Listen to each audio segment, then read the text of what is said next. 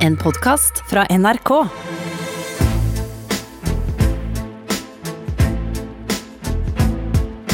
Trump mot verden med Gjermund Eriksen og Sean Henrik Matheson. Hei og velkommen til Trump mot verden sommerspesial med Gjermund Stenberg Eriksen. Hvor eh, Sean har ferie og jeg skal intervjue folk vi syns er spennende og høre hva mener om amerikansk politikk, både i fortid, nåtid og fiksjon. Eh, og først ut er politisk redaktør i Hanne Skartveit i VG. Eh, og det er opptak eh, som vi har gjort, så vi nevner ikke akkurat det som skjedde når du hører på denne, det som skjedde i går. Så det er mot slutten av juni vi har gjort disse opptakene. Vi skal holde det relevant for det. Lover.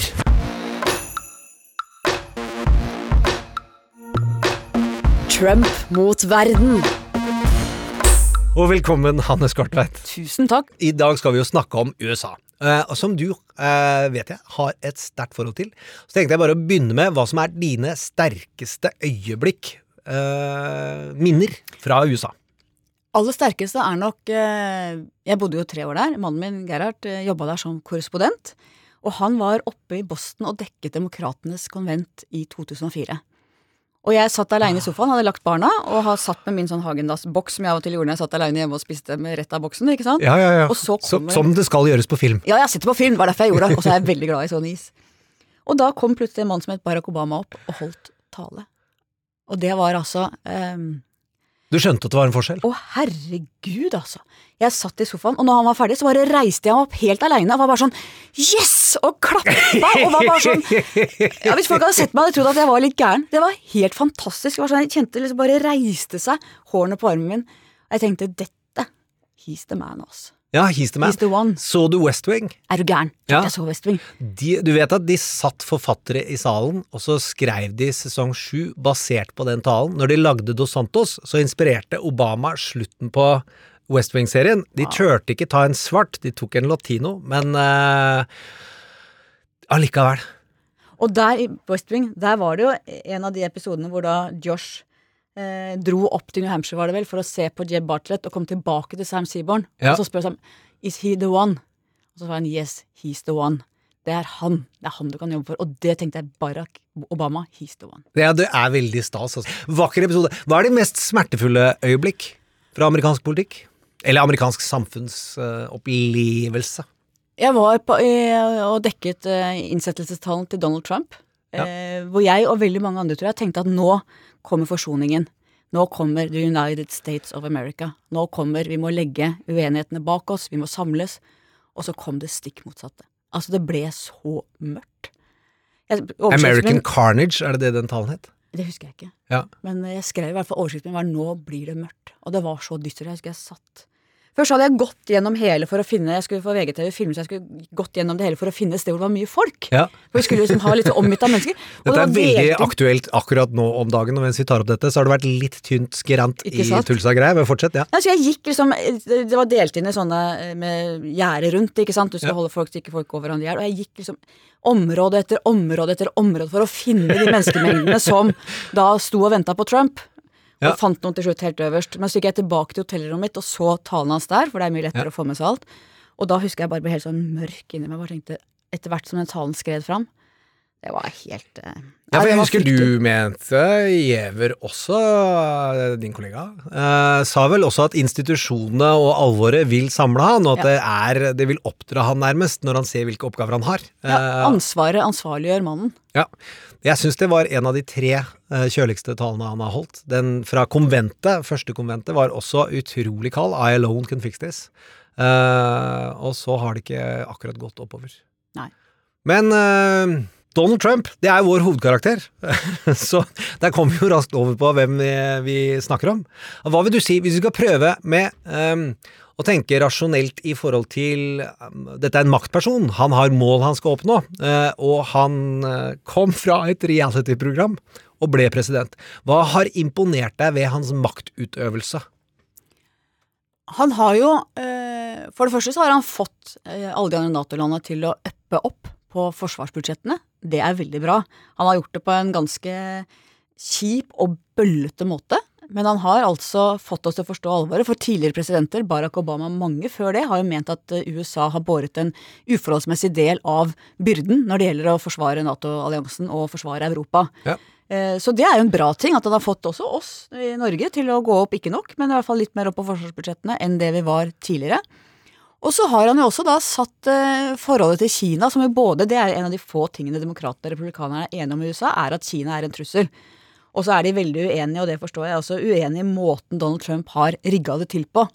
Uten å samordne seg med allierte, altså alle de tingene der. Men han har allikevel eh, tatt en ganske nødvendig fight med Kina. Når du ser hvordan de er i ferd med å bli en ny supermakt med alt det innebærer som et udemokratisk, eh, autoritært regime. Ja. La oss ta det siste først. da, Så har jeg holdt det veldig hemmelig at jeg har doktorgrad i økonomisk politikk, særlig i Sydasia. Bløff.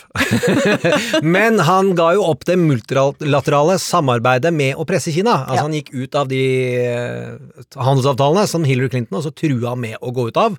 Eh, hvordan har, og nå ser det ut som, handelsavtalen som han hadde tenkt at skulle lande før valget, ser ut til å ryke. Vil du gi en uh, godkjent allikevel i forhold til Kina-behandling? Nei, for det som er problemet med det, er jo at man er splitta i møte med Kina. At en enhver annen amerikansk president tror jeg ville ha samordnet seg mye mer, fått en felles innenfor de multilaterale organisasjonene fått en felles front mot Kina. Som hadde vært mye mer virkningsfullt, og som også hadde gjort at vi alle var på lag. Så at måten hans er jeg veldig uenig i. Men, men når jeg nevner Kina likevel, så er det fordi at det, eh, tidligere presidenter, og se på Norge og Ja. Erna, og hvordan vi bare har lagt oss langflate for Kina. Og Det- USA. Jo, jo, men det er, Ja, det er USA er, et demokrati, ja. tross alt. Ikke Ja. sant? Sånn at eh, jeg må si at det, det at han opptrer sånn som han gjør nå, vi kan jo takke litt at resten av Vesten har vært så, så bakpå og Ja. passive ganske lenge, da. Og så eh, tilbake til Nato. Uh, nå sier jo Michael Bolton Det er feil ord på grunn av du har jo ikke hørt vårt podkast. Det er ille, folkens, at hun ikke har hørt på den. Men sånn er det. Eh, vi klarer alltid å blande Michael Bolton og John Bolton. Eh, John Bolton-boka, så sier han jo at han faktisk har vurdert å trekke seg ut av Nato. At det ikke bare er bøllete, men eh, vil ikke leke sammen ever. Eh, og det, Og det er heavy. Det er veldig heavy. det ville vel være noe av det farligste vi har opplevd. Ja, og det at han på en måte var, skulle gjøre det litt sånn nærmest som et litt sånn utfall på talen, visste ikke, visste ikke helt at det var ikke noen tanke bak. Det var sånn ja, kanskje jeg skal gjøre det. Nei, ok, dere vil at jeg skal være mer opptatt av hun høyesterettsdommeren. Ok, men da gjør vi ikke det. Altså at det er så eh, så lite gjennomtenkt er jo det som er virkelig skremmende, for da tenker jeg at da kan det jo skje når som helst, egentlig. Ja. Og hvis USA går ut av Nato, da er vi så dypt trøbbel. Da, det vil Vladimir eh, Putin kose seg med, tror jeg. Ja, og uten at vi skal gå inn i en EU-debatt nå, da. så tenker jeg det at vi heller... jeg bare tar opp flaska. Det at vi heller ikke er medlem i EU, gjør oss ekstra sårbare i Ja. en sånn mulig situasjon. Eh, Norge har ikke så mange kontaktpunkter inn mot USA, men ett av dem er jo Jens Stoltenberg. Eh, og ja, jeg er en svoren tilhenger. jeg er er ikke aleine om det. eh, men hvordan syns du han har håndtert Trump? Helt fantastisk. Oi! Ja, Dette visste jeg faktisk ikke. Ja. jeg må si at jeg syns Jens Stoltenberg har vært eh, Han er vel en av de få som Donald Trump eh, stoler på og snakker med, og, og Jens Stoltenberg har en veldig sånn eh, Pragmatisk. pragmatisk og sjarmerende og, og litt sånn høy og mørk, bokstavelig talt. En litt sånn mann som jeg tror Donald Trump liker. Ja. Og har vært, han har gjort jeg tror ikke det er noen andre som kunne gjort den jobben sånn som Jens Stoltenberg har gjort den. Ja, Det var jo veldig varme ord. Men jeg syns også han har vært Altså, jeg, jeg kjenner ikke Jens Stoltenberg. Eh, Men jeg aner meg at hvis Donald Trump bare var en helt tilfeldig mann, så hadde de ikke reist på hytta sammen hele tiden. Eh, Og eh, hvis jeg ikke husker feil, ganske kynisk, det første han gjør når han skal møte Smisk, smisk, smisk, smisk. Fordi det er det som funker. Ingen følelser gir beng i at hva noen i Norge nå tenker at faen, du må si til en. Du må eh, stå opp for verdigrunnlaget. Nei. Smisk, smisk, smisk. Jeg leder en Nato-allianse. Her er det felles interesser. Det må vi bare kjøre på. Ja. Jeg syns det var uh, proft, men litt kjølig. Helt nødvendig. Nødvendig å kjøle. Det er Helt derfor- nødvendig. Og du, Jens Stoltenberg er jo en fascinerende type. Eh, en periode var han helt manisk opptatt av gasskraftverk.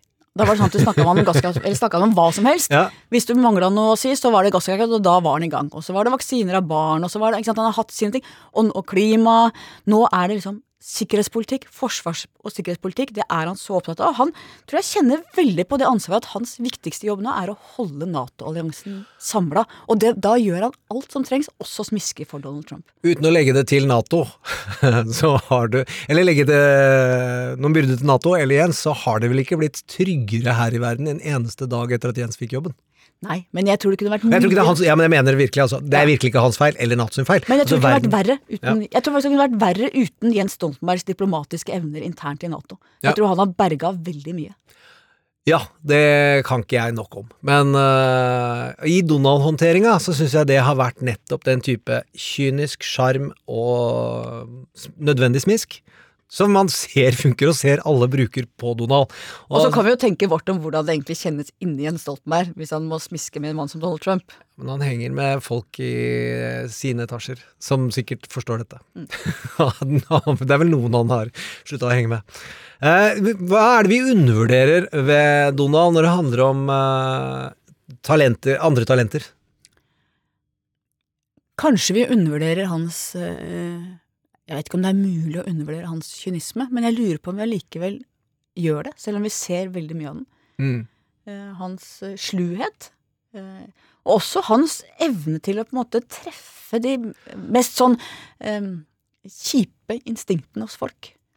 Ja, er, jeg er enig veldig i begge to. Eh, og hvis vi tar den ene først, den undervurderinga av kynismen, hvis man ser på koronahåndteringa hans, så er det mange som tenker at nei, det er bare litt selvopptatt, han er redd for resultatene. Eh, så er det mange av hans beslutninger og gjentagende setninger som liksom drypper ut av kildegrunnlaget rundt og bak han, som det virker som alle snakker bak ryggen hans. At det er kalkulert. Altså, jeg driter i hvor mange som dør, bare jeg vinner gjenvalg. Ja, det tror jeg er helt riktig. Og det er utrolig interessant å se USA nå, hvor selv bruk av munnbind er blitt polarisert, politisert. Ikke sant? Hvor Ja. selv det å liksom øh, Jeg hørte nå øh, at demokrater holder seg mer hjemme enn republikanere. Altså det med å ta det på alvor. At spørsmålet om om du skal ta en pandemi på alvor eller ikke, plutselig også splitter etter partipolitiske skillelinjer, det er veldig underlig. Ja, og så er det en ting som er en, eh, mer et innfall av en eh, parallell mellom VG eh, og Donald Trump, er jo at det tabloide er nettopp Skal du være den største og sterkeste tabloidavisen hele tiden, så er det ikke så forsidedrevet salget, men du skal ha pulsen, altså irritasjonen. Dere er jo ganske gode på bilpriser og eh, bensinpriser og når bomringer, og hvor eh, folk er irriterte. Det er Donald, min fordom, eller vet en del om Donalds liv. Han har levd gjennom forsider. Altså, den type pulstrening, å lese hvordan samfunnet er gjennom tabloidene i New York, hva tror du om det? Ja. Først vil jeg bare forsvare veldig til og si at en god tabloid har jo også masse glede og kjærlighet og det vi kaller ofanisme og humor. Hva kalte du det? Ofanisme? Ofanisme. Har du ikke hørt om ofanisme? Nei, det er gamle. Jannik Lavré. Når de åpner øynene, skal tenke 'å, faen'. Ofanisme. Det står i notatene mine, faktisk. Sikkert fra den tida, men jeg har faktisk glemt det.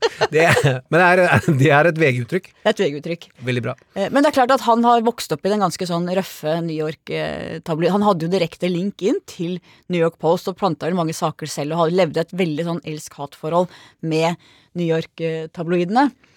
Og en stund så tenkte jeg, ikke sant, han, eh, når han overdrev så mye, og faktisk løy ganske mye også i valgkampen, så så Ja. du for deg at ok, det er liksom byggeplassen i New York. Hvor han ringer til en eller annen fyr og er forbanna og sier nå har jeg, nå har jeg sagt det 10 000 ganger.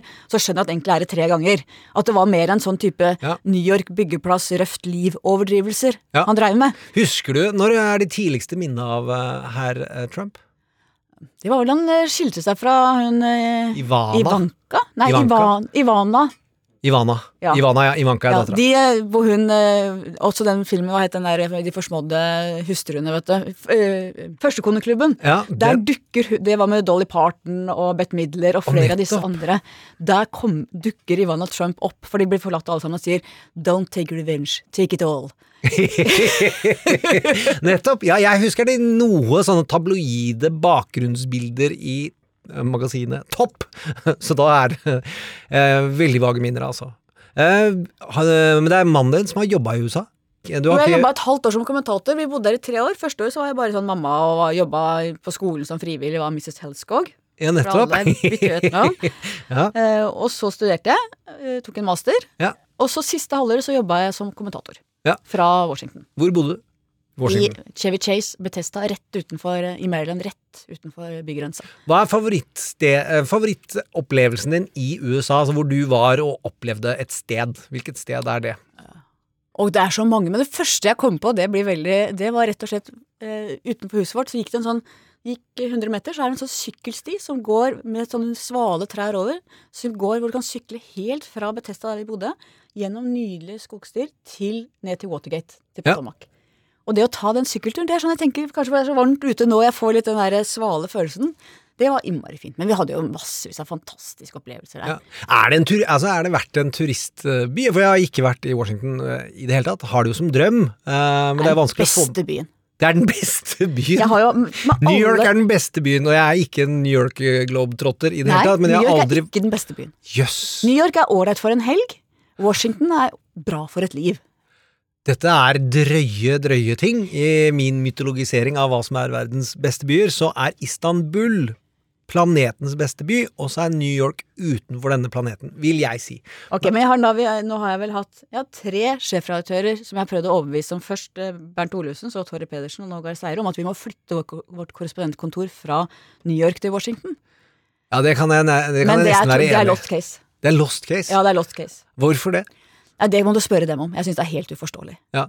Jo, I Washington har du politikken, du har eh, også masse kultur, og presseklubben hvor de kommer, Angela Jolie og alle andre, og ja, det er virkelig Nei, det jeg tenker er at vi, vi, vi vil ha en vag drøm om å reise dit og dekke valget. Eh, Men vi vil være i New York fordi det er det popkulturelle sentrum på østkysten, og medie...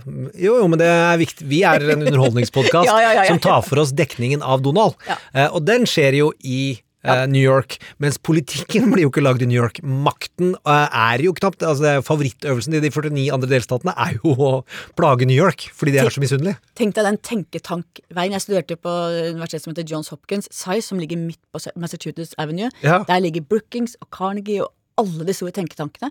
Det er så mange smarte folk der. Du kan gå fra liksom seminar til seminar om Midtøsten, oljepolitikk, demografi, Folkens, Tyrkia hvis alle, jeg regner med at alle de tre eh, sjefredaktørene eh, hører på. eh, Flytt hovedkontoret.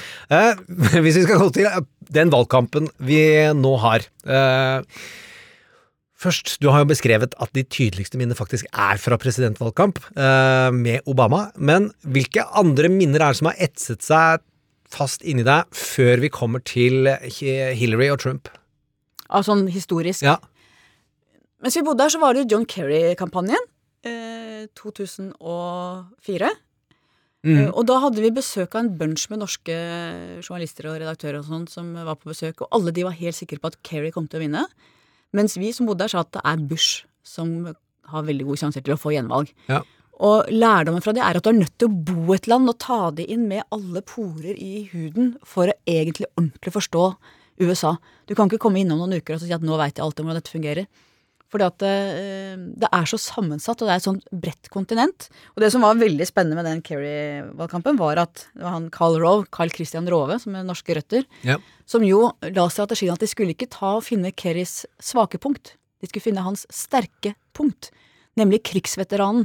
Hvor de etablerte dette Swift Boat Veterans for Peace, var det veldig het? Ja, ja, Swift-boating. Det har blitt et eget uttrykk. Ja, det. for de undergravde De laga en merkelig historie om at han egentlig ikke var en ordentlig krigshelt. Han som hadde flere krigskors og Han bar kameraten sin, akkurat som i sangen. He ain't heavy, he's my brother. Er vel det øh, Jeg tror ikke sangen er om han, men det, bildene av Kerry har blitt brukt i, til den sangen gjentatte ganger.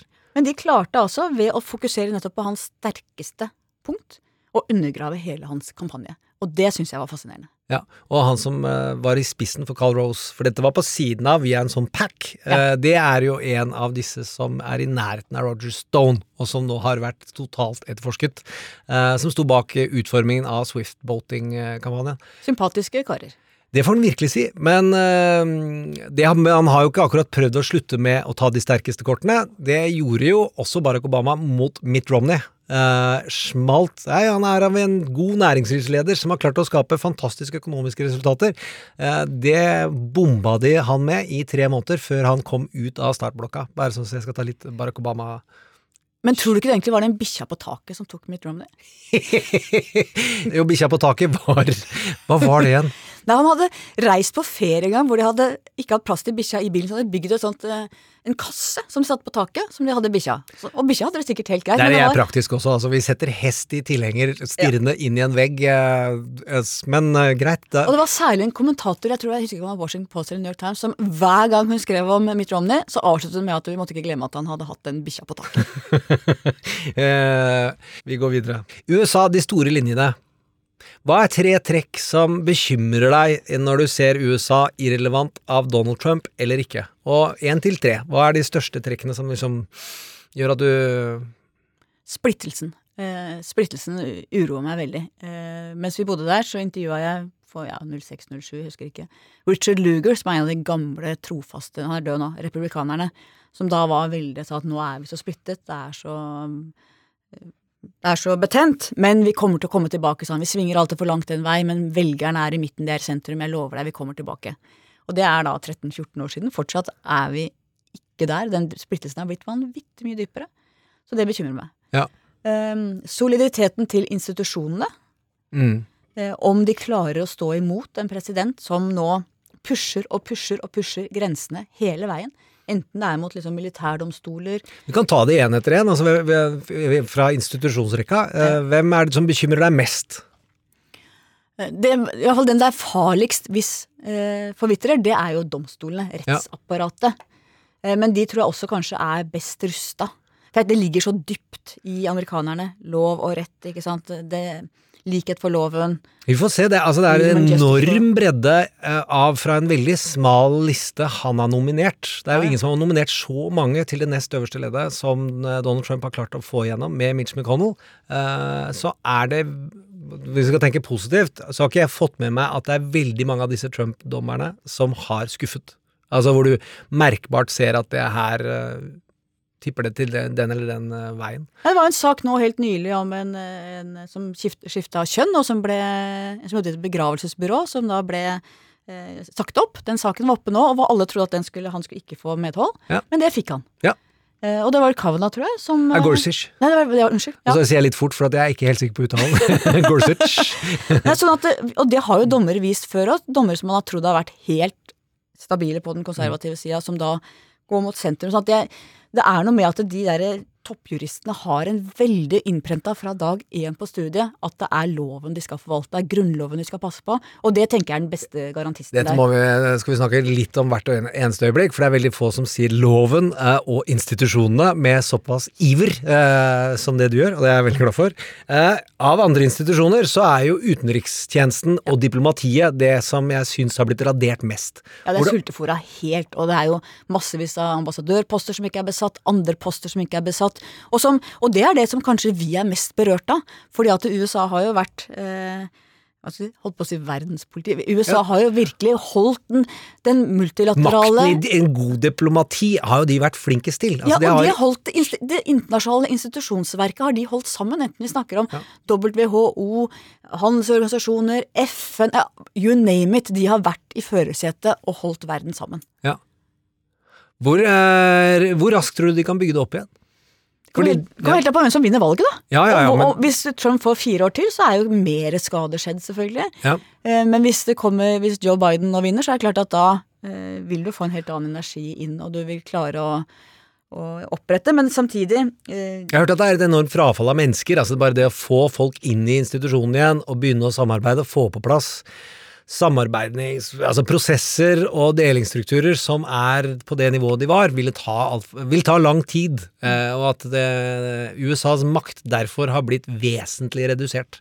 Det er klart det, men samtidig så skal vi huske at amerikanere er jo eh, Jeg elsker amerikanere. De er jo idealister. Og jeg tror veldig mange av liksom toppfolk som tidligere har gjort tjeneste, vil føle et stort, stort ansvar for å, å komme inn igjen og prøve å rette opp ting. Hvis det blir mulighet til det. Ja, I USA så er jo public servant Der er det et heders, en hedersbetegnelse. Altså du er offentlig ansatt for å tjene folket. Ja. Eh, offentlig er ikke alltid, eh, selv om har mitt bankende sosialdemokratihjerte, eh, blir ikke brukt som et hedersord eh, alltid i norsk debatt, syns jeg. En annen institusjon er jo Forsvaret. Eh, og der Det er jo den jeg var redd for at ville falle ganske fort, fordi det kom noen varslinger om at det, trumpismen satt litt dypt i noen ledd der. Det har jo virkelig stått imot. Det har vært den ene forsvarssjefen etter den andre. Hvordan vil du kommentere det? Ja, Det syns jeg er veldig bra. Og du så jo når han da dro med seg flokken sin over eh, til denne kirka. Bibelmoment, ja. Ja, så gikk jo han forsvarssjefen som var i full uniform, og han gått ut og sa at det var feil. Han skulle ikke vært med der. Og, ikke, jeg syns ikke det var, det var Han la ikke én finger imellom, så rett til kamera, og dette var galt, jeg skal lære av dette. En ting som jeg syns alle ledere kan notere seg, det går an å si jeg gjorde feil. Ja, og da tenker jeg yrkesstoltheten blant eh, amerikanske generaler og offiserer er veldig, veldig sterk. Og de, de, de har jo alle, i veldig mange stillinger, de har jo alle sverget troskap til konstitusjonen. Mm. Og det er noe som vi Jeg tror ikke vi forstår helt hvor viktig konstitusjonen er i USA. Har du sverga troskap til konstitusjonen, så er det den du skal sette høyest, ikke en eller annen som sitter inne i Oval Office. Nei, og det Altså, jeg syns jo amerikanere og britisk kultur, altså engelskspråklig kultur, har et mye sterkere forhold til språket sitt egentlig enn det nordmenn har. Vi sier vi er ordentlig stolte av det, og vi skal ha alle mulige dialekter, og alle skal få skrive på alle mulige måter. Og ja, jeg prøvde å bli norsklærer, ble det ikke, ble mannsfoter isteden. Men den kjærligheten til ordene, og den dyrkinga av ord, var jo nødvendig for å samle 50 stater, og hele tiden gjenta disse ordene holder oss sammen. Det er ikke en konge, det er ikke en idé om et styresett, det er ord, og de omtaler jo som om det ja, De omtaler det som det største og viktigste tekstkunstverket i verden. Det er nesten eh, Altså, det er jo renessansemalerier for dem. Ja, men nesten fortelle en historie òg. Ja, da jeg studerte på SAI, så hadde vi eh, En av de som var professorer der, var tidligere CIA-sjef, McLaughlin. Han som for øvrig pusha Colin Powell, Colin Powell til å ljuge om disse våpenlagrene. Visste CIA-sjefen at det var ljug? Det veit jeg ikke. Ja. Eh, Det er jeg litt usikker på. Men han holdt i hvert fall en sånn, han fikk en pris og holdt en tale for alle studentene på SAIS. Ja. Og da fortalte han en historie, jeg husker ikke lenger hvilket land det var fra, men de, CIA har jo hatt agenter overalt, og så var det en som de måtte hjelpe ut, det brant veldig, i et østeuropeisk land, kanskje Øst-Tyskland. Og så kommer han ut, og de får han ut om natta, og så skal han debrifes med en CIA-agent, ikke sant. Dette er Og han kult. brukte hele natta på å snakke om Thomas Jefferson. Konstitusjonen, idealene, friheten. Altså, det var Ja, det blir nesten litt rørt, Ja, men altså. jeg blir rørt av det sjøl, for det er, det er så gjennomgående i En ting er kommentatorstanden, men i politikkstanden, og når man hedrer hverandre, så går man via disse ordene og snakker om det som det øverste målet, og så kan man måle seg opp mot det. Eh, og hvis jeg skal ta en kjepphest med eh, kommentatorsjef, som du tross alt er, så er det jo at respekten for det skrevne ord i USA omtales mye mer respektfullt, og man hyller hverandre når man har i nyhetsprogrammer. Så leser man hverandres tekst opp. Man sier ikke bare 'jeg tror den mener A, B og C'. Den sier 'hør her på dette glimrende formulerte innlegget av den og den'.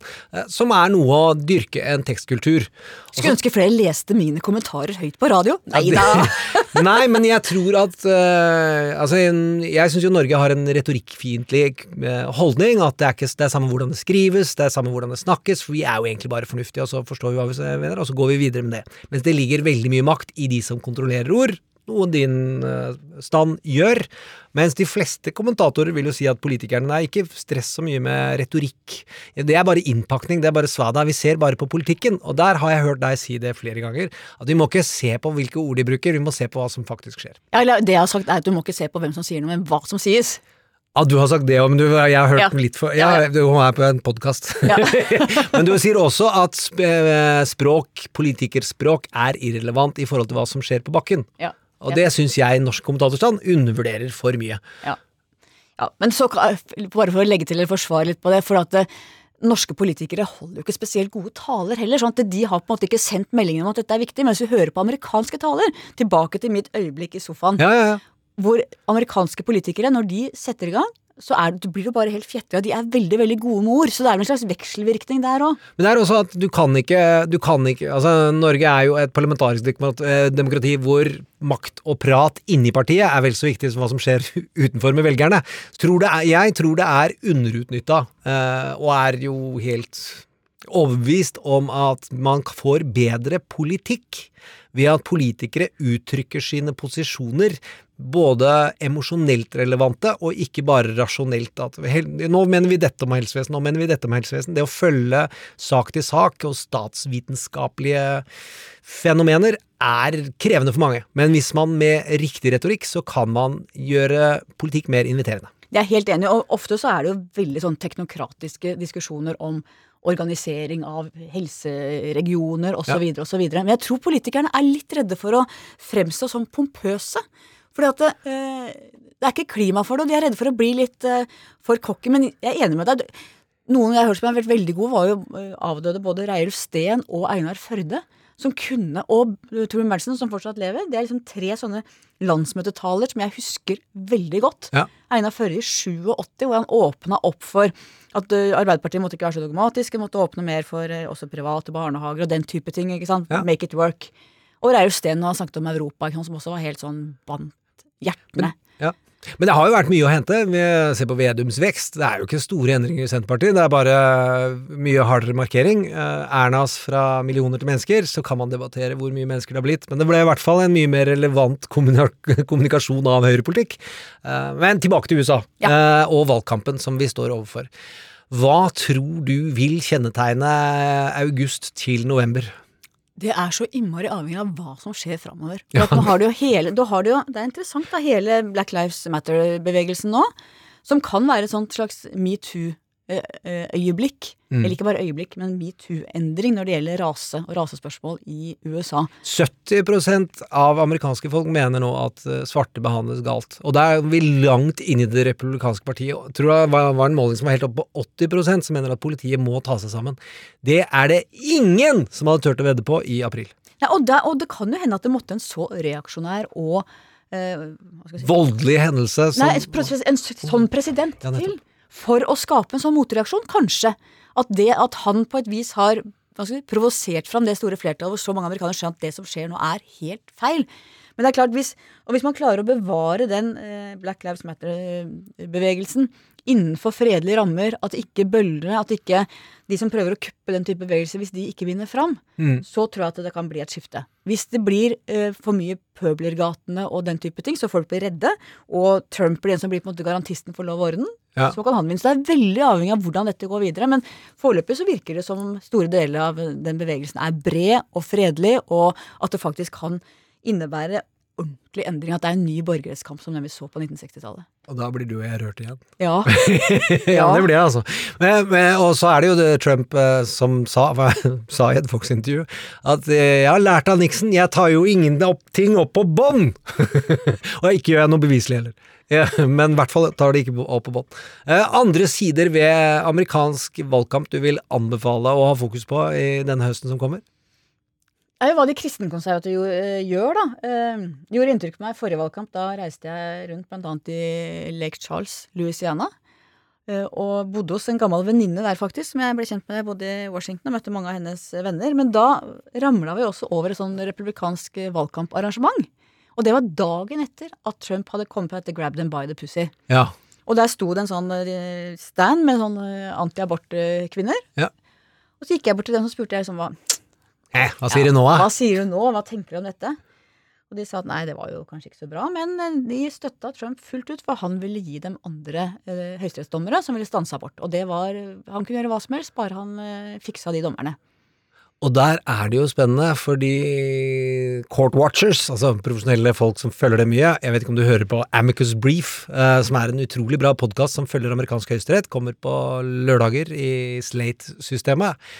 Sier at Roberts lange plan er jo å begrense tilgangen på abort, men gjøre det på delstatsnivå, og ikke gjøre noen provoserende forbudsdommer på føderalt nivå. Eh, men der ligger jo ikke tålmodigheten til folka til Donald. Nei. Han kommer jo ikke til å gjøre noe før eh, eh, november.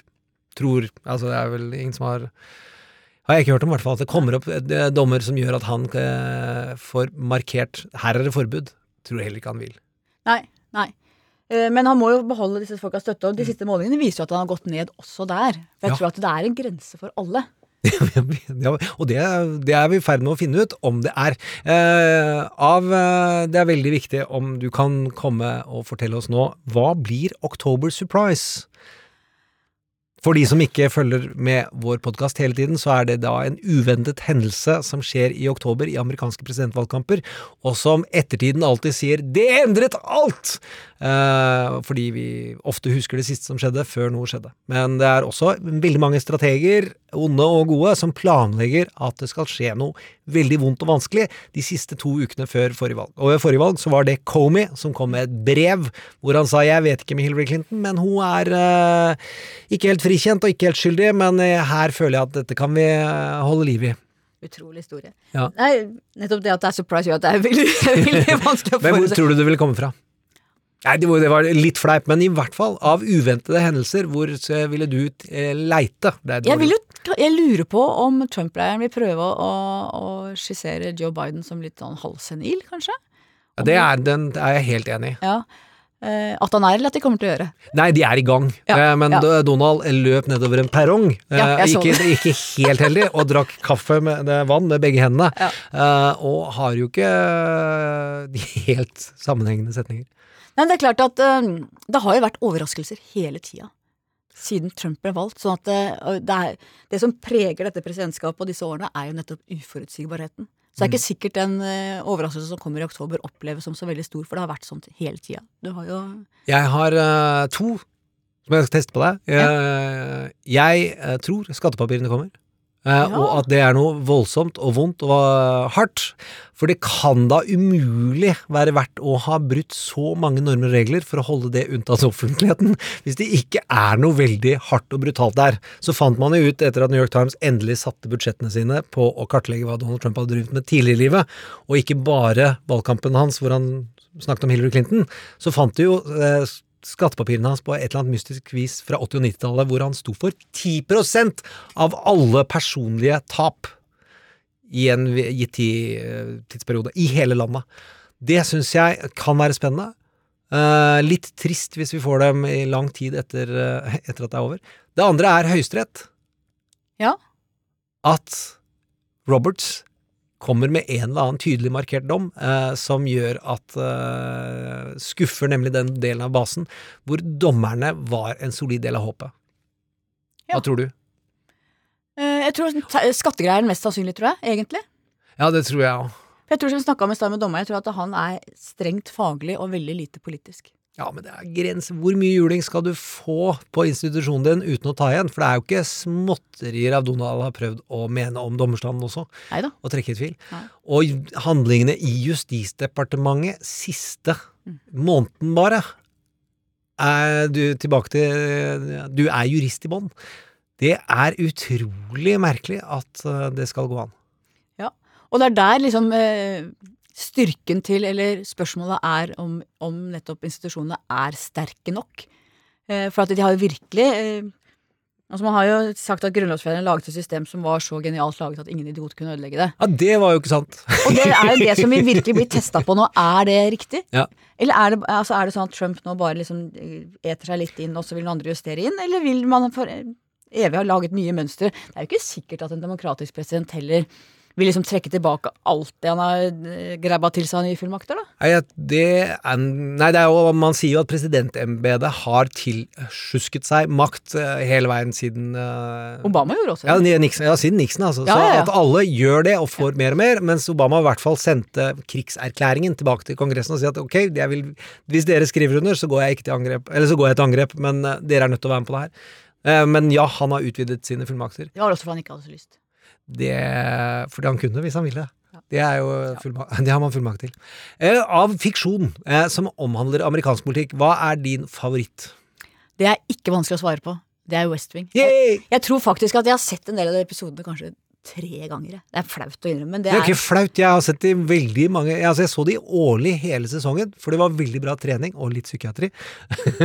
Men ja. Og vi diskuterte faktisk i går, hvor vi rydda litt i gamle ting, om vi skulle Vi har jo hele selvfølgelig på DVD. Ja. Om vi skulle bare kaste dem og satse på at Og jeg sa nei, det kan vi ikke, for vi kan ikke vite om de fins digitalt når vi blir gamle og sitter på, på gamlehjemmet. Da må vi kunne se de om igjen, for da er vi litt sånn tilbake til de gamle tider. Så vi har beholdt hele den samlinga. Helt enig, og hvis det er noe, så må du alltid ringe, for jeg har den i digital form. eh, I alle mulige digitale former. Ja, du har det, ja? det, er- det har jeg sikra meg. Da er du vår backup. Ja, for jeg tror jeg kan se det resten av livet. Det er uh, hvilke, hvilke episoder Hvilket romantisk øyeblikk er ditt største fra West Wing?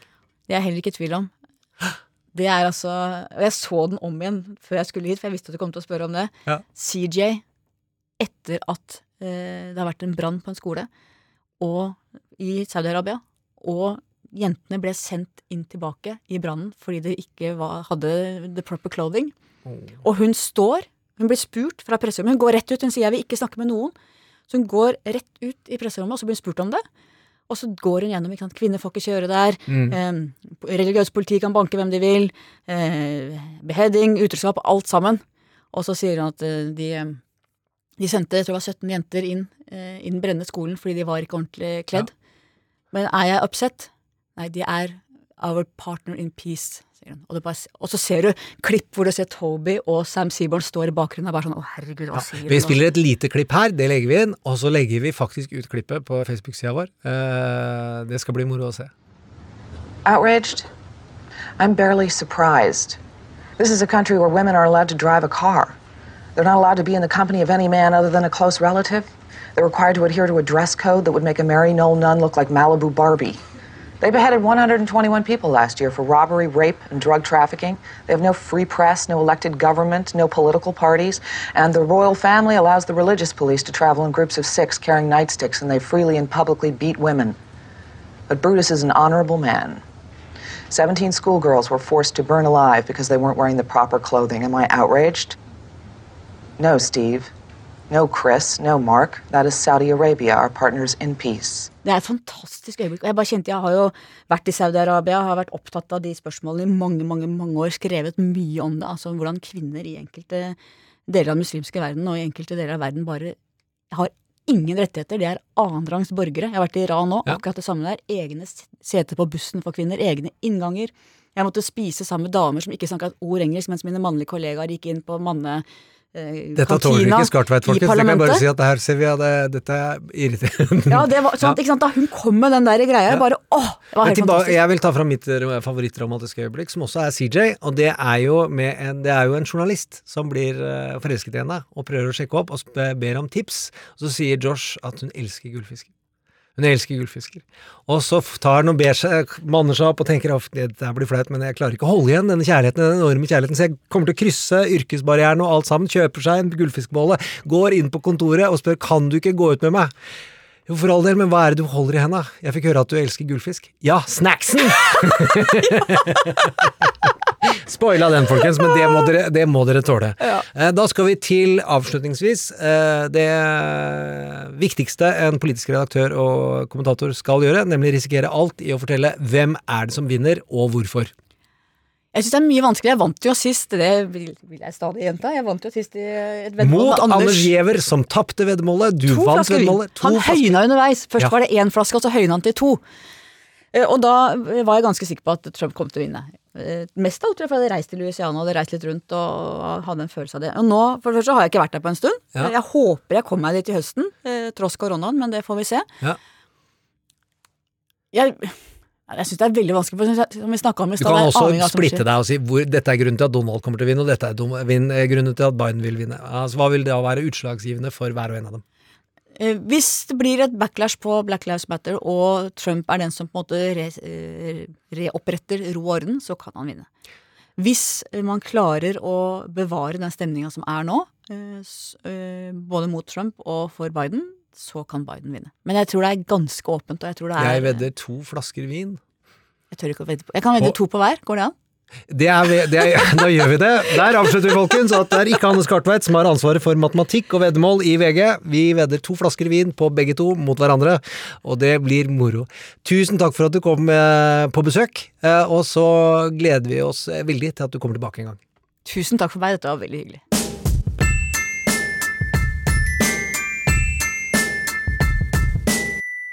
Trump mot verden. Sånn, da har Hannes Hanne Skartveit gått. Ukas konkurranse er eh, rett og slett inspirert av Hanne Skartveits fortelling om hva hun syns var det mest spennende reisemålet i USA.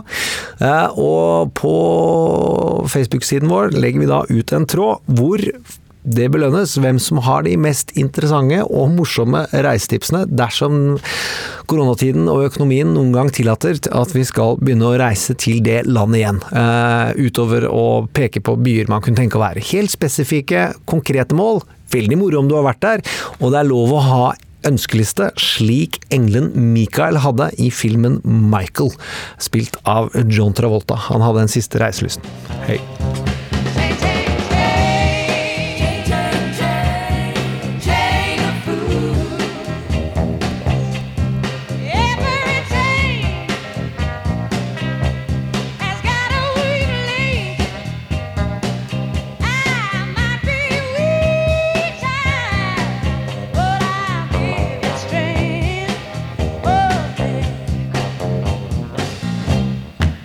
Du har hørt en podkast fra NRK. Hør flere podkaster og din NRK-kanal i appen NRK Radio.